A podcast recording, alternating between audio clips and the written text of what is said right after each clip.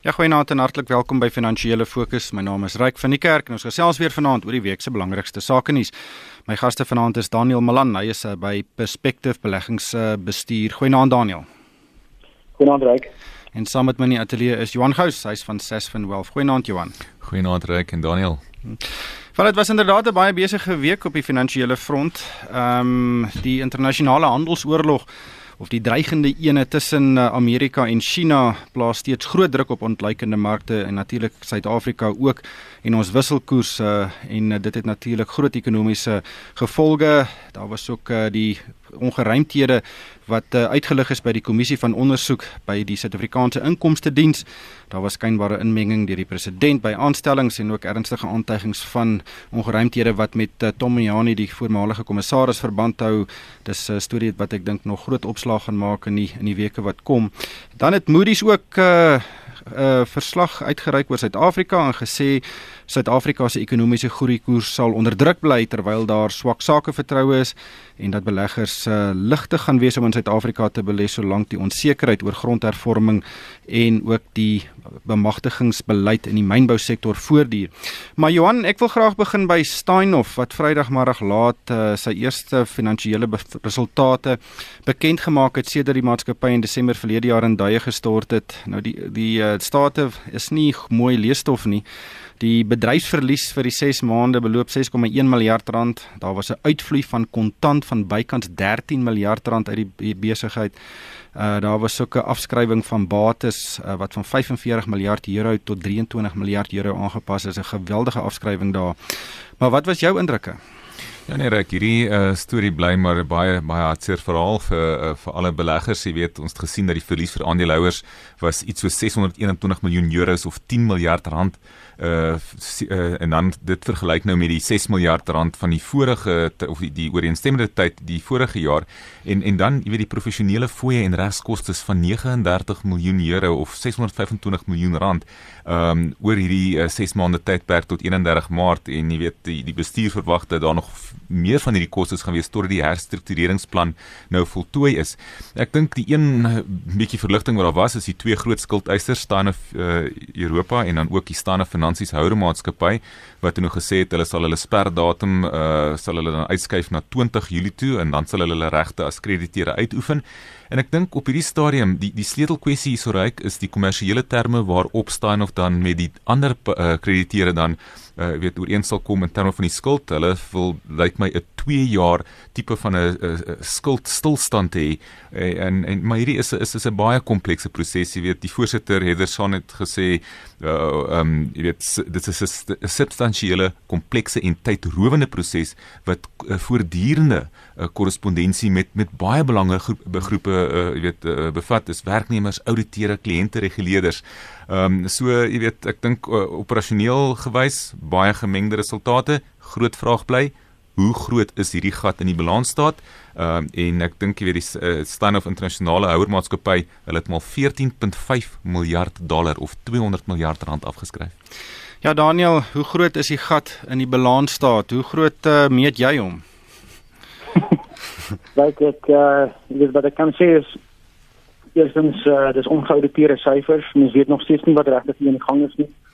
Die tweede ding is dat uh, as ek as jy vinnig gaan kyk, die besigheid het 'n negatiewe tasbare batewaarde. Dit beteken basies dat hy as jy al die uh, goodwill wat toegeskryf is aan oornames en so aan, dit is as jy dit alles aftrek van die balans wat af dan daar geen vaste batewaarde in die besigheid nie. So jy het nie enige argument om jy het geen voete om op te staan as dinge regtig sleg gaan met jou krediteurs uh, verhouding nie. Hmm. Maar ehm um, Johan ons nou baie gepraat oor miljarde, miljoene verliese, afskrywings. As iemand nou nog geld of aandele besit in Steinhoff. Ehm um, wat dit nou hier van die 70 80 rand vlakke gehad het en dit het basies is basies nou niks werd nie, maar daar dit maar daarom daarin vasgehou het met die hoop dat dit sou terugkom. Wat is die boodskap wat daai beleggers moet uitneem uit hierdie resultate? Ja, ryk daar is regtig nie eintlik meer veel meer om te verloor as jy nou vashou nie jy weet die die beste ding wat jy omtrent hier gaan uitkry teen die tyd wat jy jou aandele verkoop uh en en dit is nog verhandelbaar uh dan sal dit wees dat jy kapitaalverlies het wat jy ten minste hopelik teen van jou kapitaalwinste kan afsit jy weet. Maar dit is dit is die een scenario. Andersins jy weet die hoop beskaam nie. En uh op hierdie stadium weet ons nie soos ons uh weet Daniel ook gesê het hierdie is nou nog steeds ongeauditeerde syfers ons weet nie of hierdie syfer noodwendig die werklike prentjie skets nie. Maar ehm um, ek dink om om om vas te hou op hierdie stadium jy weet as jy R70 gekoop het, dan is jou verliese basies tot 'n groot mate al dis dis eintlik daar. Dis omtrent 98%.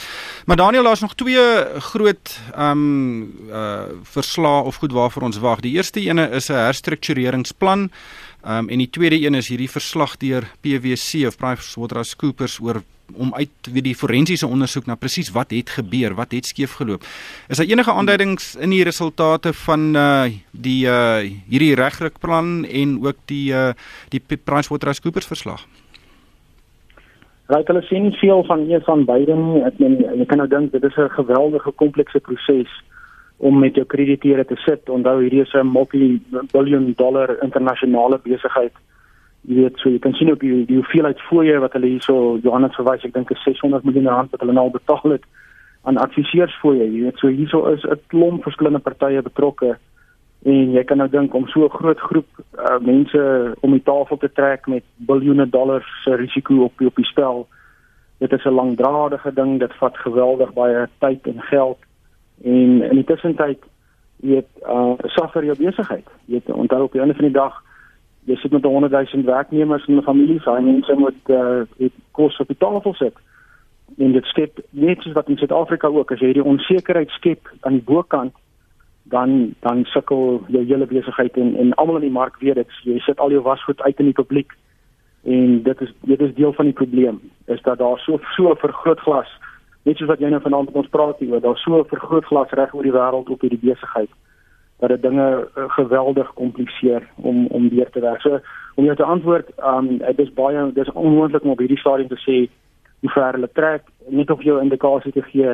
Hulle het aanvanklik mos vir ons gesê die dat die PwC werk gaan nie lank vat nie. Ek dink hulle het gesê aanvanklik 6 maande, dis nou al klaar uitgestel na meer as 'n jaar. Um so my my as ek nou moes raai, sou ek sê dit gaan langer vat as 'n jaar. 600 miljoen rand se konsultasie rekeninge. En uh, dis vir 'n maatskappy wat uh, kontantvloei probleme het en en Daniel, ja, daar's 100 000 werknemers, uh, maar jy sit ook met miljoene uh, gewone mense wat geld het in pensioenfonde, wat geld het in effekte trust, um, wat ook benadeel word en wat hierdeur 'n stelsel geval is. Um en en ek dink hopelik kan daar geregtigheid geskied dat die mense wat hier oortree het dan uh, ordentlik uh, aan die pen ry. Ehm um, maar kom ons gaan aan Johan uh, nog 'n groot onderwerp van die week is uh, hierdie dreigende of eskalerende handelsoorlog tussen Amerika en China.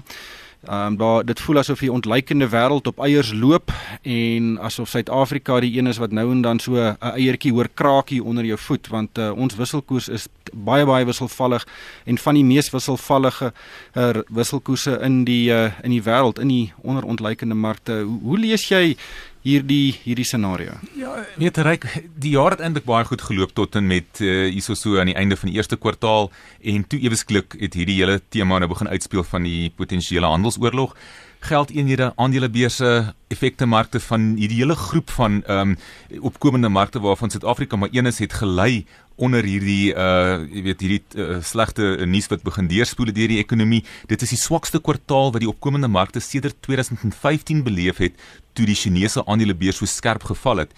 Ehm um, weet nou, boop dit het ons nog die hele kwessie van die stygende rentekoerse in die FSA kommer oor wat dit vir wêreldekonomiese groei kan beteken. So die rand het sedert uh hierso rondom uh, Maart April met 17% geval oor die laaste 3 maande uh 56 miljard rand se buitelandse beleggingsuitvloë uit ons uh, effekte mark. En dit is hier hier is hoekom die rand so onder druk gekom het. En op hierdie stadium sit ons in 'n situasie waar die stygende oliepryse saam met die swakker rand dan uh daartoe lei dat brandstofpryse tot nuwe hoogtes uh, uh, gaan en dan ook nog verder gaan styg. En dit kan lei tot hoër inflasie en potensiële hoër rentekoerse um en jy weet dit sal dalk die reservebank dwing om rentekoerse vinniger te lig as wat hulle sou wou.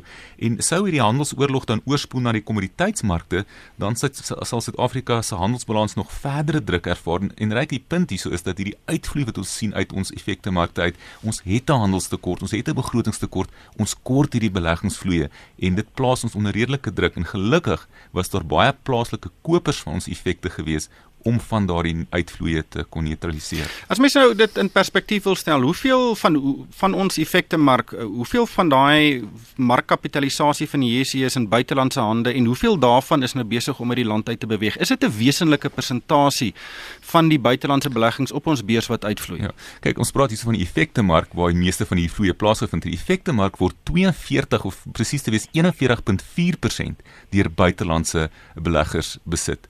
En uh daai dit is die dis die hoogste syfer omtrent wat ons nou in die geskiedenis nog gehad het. Laas jaar se syfer was ook 41.4% en dit was nou so hoog as net bo die 42% voordat ons hierdie uitvloeye gesien het. So dit is 'n wesenlike deel van ons ehm um, van ons mark en daarom is die rand ook so uh wisselvallig gewees die laaste tyd. Daniel, hoe lees jy dit? Hmm. Ek ek dink uh as mens vir my as ek dan kyk meer op 'n mikrovlak, jy weet as jy net as jy dink aan die aan wat is die die eindspel hierso. Jy weet as as lande begin met 'n ernstige uh taksering van van transaksies. As jy byvoorbeeld net vergelyk eenvoudig met die tabakbedryf wat jy almal nou goed ken, 20 jaar gelede het almal gesê die produk maak mense dood en die regering het dit geïdentifiseer as 'n produk wat hulle moet aanhou belastings opsit om die pryse, hulle probeer om die pryse soveel as moontlik te druk sodat mense moet ophou dit gebruik. Maar wat het in die tussentyd gebeur is dit het al wat gebeur het is hulle het inflasie geskep vir die verbruiker en hulle het meer belasting getrek vir die regering. en dit is dis die eindgame. So as Donald Trump en die res van die wêreld begin wegtrek en uh heeltyd net aan mekaar belastings op mekaar se transaksies sit, op die einde van die dag gaan jy net hoër inflasie kry vir eindprodukte en ek dink Johannes absoluut reg, ek dink ultimately gaan dit veroorsaak dat daar gaan rentekoerse uh, stygings moet kom op die rug van dit. Ehm um, en ek dink daar kan 'n potensiële marginale afname in totale volumes wees op die einde van die dag. So as jy byvoorbeeld dink aan uh, kom ons sê Harley Davidson motorfiets wat baie mense nou van ken. So as uh, Europa ewe skielik Harley Davidson invoere met 20% ekstra belas, dan gaan Amerika retaliate met 'n 20% belasting op BMW motorfietsse en dan kom hmm. Japan hmm met Yamaha motorfietsse word natuurlik ook so beïnvloed. So reg oor die wêreld gaan daai pryse opkom ons sê met 15 of 20%. En dan is die regering weer gelukkig want almal kry nou hulle ekstra belasting, maar op die einde van die dag gaan die verbruiker onder dit ly. En ek dink dit is vir my deel van die gekompliseerde prentjie hierso. Ons moet verstaan ons het nou dekades gehad van internasionale verhandeling wat al hoe makliker geraak het met belastings wat weggebeweeg het met dit baie dit het 'n baie positiewe invloed gehad om inflasie baie laag te hou en rentekoerse baie laag te hou. En ek dink hierdie is die begin van die teenoorgestelde tendens en dis iets wat beleggers baie belangrik na moet kyk. Reg ek dink die grootste invloed vir Suid-Afrika op hierdie stadium is maar die feit dat daar 'n slegte sentiment is rondom rondom opkomende markte in hierdie handelsoorlogsituasie. Dis nie noodwendig self die produkte en die uitvoere wat ons so seer gaan voel nie.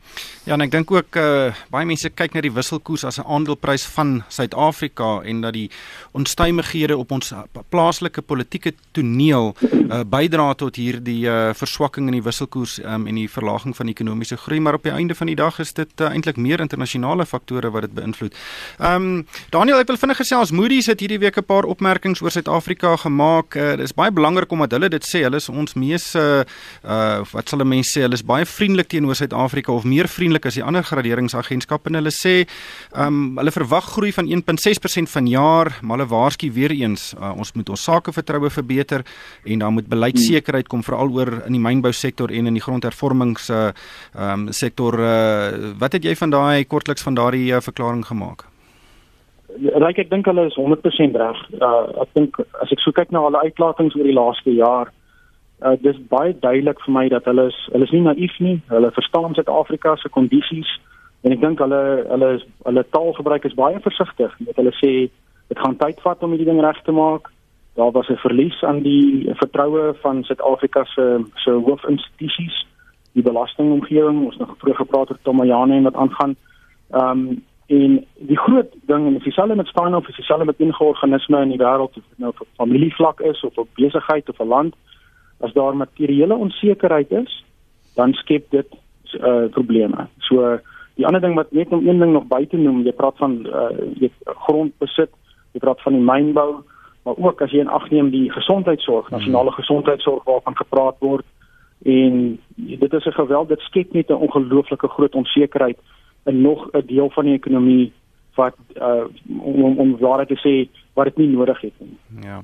Ehm um, Johan, ja, ons laat ons net voortbeweeg. Ons het 'n paar minute oor. Uh Al Mutual het hierdie week uh, sy herskikkingsproses het 'n groot stap vorentoe gegee en dit het weer genoteer in Johannesburg uh, hoewel die mark dit nie baie positief ervaar het nie. Die aandelepryse in sy eerste week amper 5.5% laer. Uh wat was jou indrukke? Ja, wel kyk, dit is nou Old Mutual wat teruggekom het huis toe amper. Jy weet hy het in 1999 was hy met sy demutualisering het hy toe nou 'n uh, dubbele notering gehad. Hy het sy hoofnotering in die buiteland gehad en sy sekondêre notering hierso. En nou het hy nou het beleggers basies hierdie twee keuses. Hulle kan of Old Mutual uh, in Old Mutual belê wat die opkomende markte verteenwoordig en ook die 54% belang in Nedbank wat éventueel ook verminder sal word of in Quilter wat nou die um, sy sekondêre notering op die JSE het wat in uh, die Old Mutual wel welvaartsbesigheidsbelange dan verteenwoordig in die Verenigde Koninkryk. Ehm um, daar word gevoel dat die vorige uitvoerende hoof uh, Julian Roberts eintlik nou maar net basies uh, die dek bietjie skoon gemaak het vir meneer Bruce Hempel wat nou inkom. Ons het gesien uh, daar's 'n redelike wortel voor sy neus om om redelike resultate in die volgende jaar te kry as deel van hierdie transaksie. Ehm um, en jy weet die, die feit is net Old Mutual as jy hom ver, gaan vergelyk, die hele paadjie wat hy geloop het in terme van sy buitelandse oorname strategie, as jy hom vergelyk met Sanlam oor hierdie selfde tydperk het jou uh, Old Mutual PLC aandeleprys maar met 189% gestyg sedert 1999 waar Sanlam se aandeleprys met 849% gestyg het. So hier is baie opvangwerk vir Old Mutual om te doen. Dis vroeë dae en ek dink die buitelandse beleggers spesifiek wag eers om te sien wat gaan gebeur in terme van die insluiting van Old Mutual in die wêreld uh, opkomende markte indeks en dan ook die top 40 indeks en dan hulle wil ook bietjie verdere navorsing en 'n gevoel vir bestuur kry. Daniel Kortliks, jou siening oor Old Mutual? Maar ek dink dis weer net 'n wonderlike uh voorbeeld van die die feit is dat die, die meeste groot oornames werk nie baie goed nie. En hier sien jy dit maar net weer en dis 'n besigheid wat al nie so 'n groot konsertina. Net so oor die laaste 50 jaar, hy gaan op sulke strategiese stappe wat hy gaan en hy maak groot oornames en dan trek hy alles terug na die na die na die groen masjien in die middel toe. en ek dink ons is nou weer deur een van daai fokusperiodes waar die besigheid weer kan fokus op sy kern uh sterkte, die sterk areas waar hy sterk is in in in ontleikende markte en dit kan net goed wees vir die besigheid dat daar al beter fokus is en uh ek dink dat dit sal goed vir ons moet wees. Van ongelukkig uh, hierdie tyd ons nou ingehaal. Baie dankie aan Daniel Malan van Perspective Beleggingsbestuur en Johan Gous van Sasfin Wealth en vir myself Ryk van die Kerk. Dankie vir die saamluister en ek hoop almal het 'n winsgewende week.